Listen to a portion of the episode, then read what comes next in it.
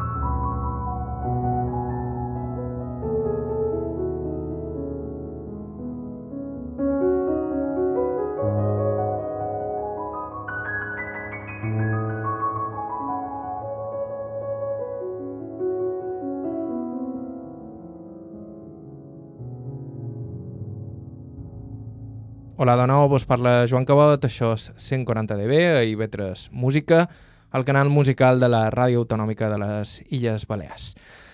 Hem començat el programa d'avui amb Walk, un dels temes que ja han pogut escoltar de Love, el primer llarg del britànic John Benz, un d'aquells músics que transita un territori nebulós entre l'electrònica experimental i la música clàssica contemporània i que retorna en el seu debut per a Thrill Jockey el seu instrument nadiu, el piano, amb tocs clarament clàssics, per compondre un treball que tanca una trilogia precedida de dos EP i amb què celebra la seva victòria sobre l'addicció a l'alcohol. Love surt arreu del món el 13 de novembre i, com la gran majoria de referències del segell Thrill Jockey, té una pinta tremenda. El següent protagonista gairebé no cal ni presentar-lo. Es tracta del trompetista John Hassel, col·laborador habitual de gent com Brian Eno i tants altres, que acaba de publicar nou treball, Sing Through Sounds. Això és Cool Down Coda.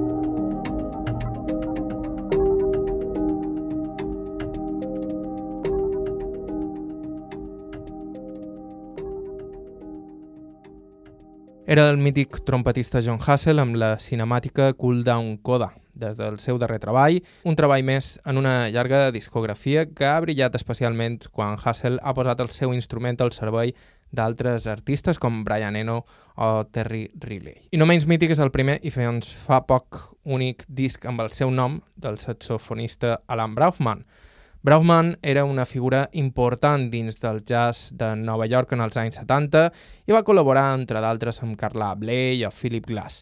I el 1975 va publicar Valley of Search, considerat un disc de culte juntament amb els seus altres dos discos signats, això sí, com Alan Michael.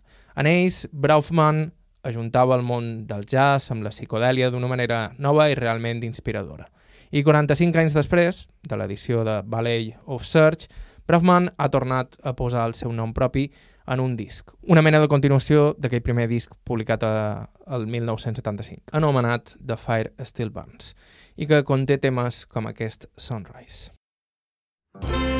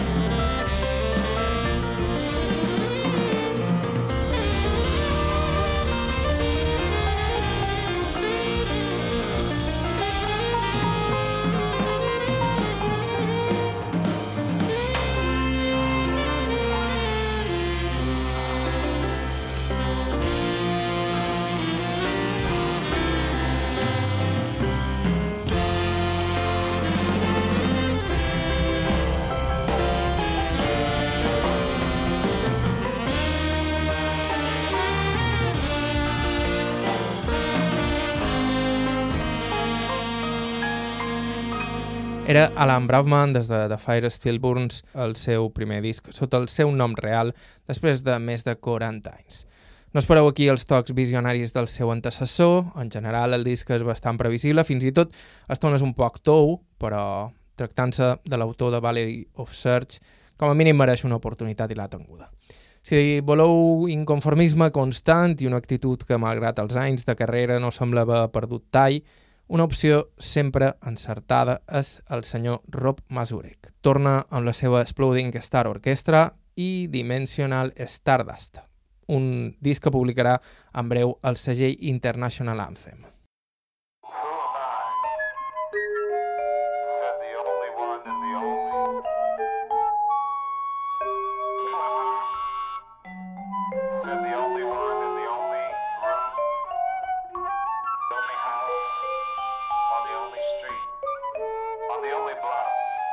in the only neighborhood, in the only town, in the only city.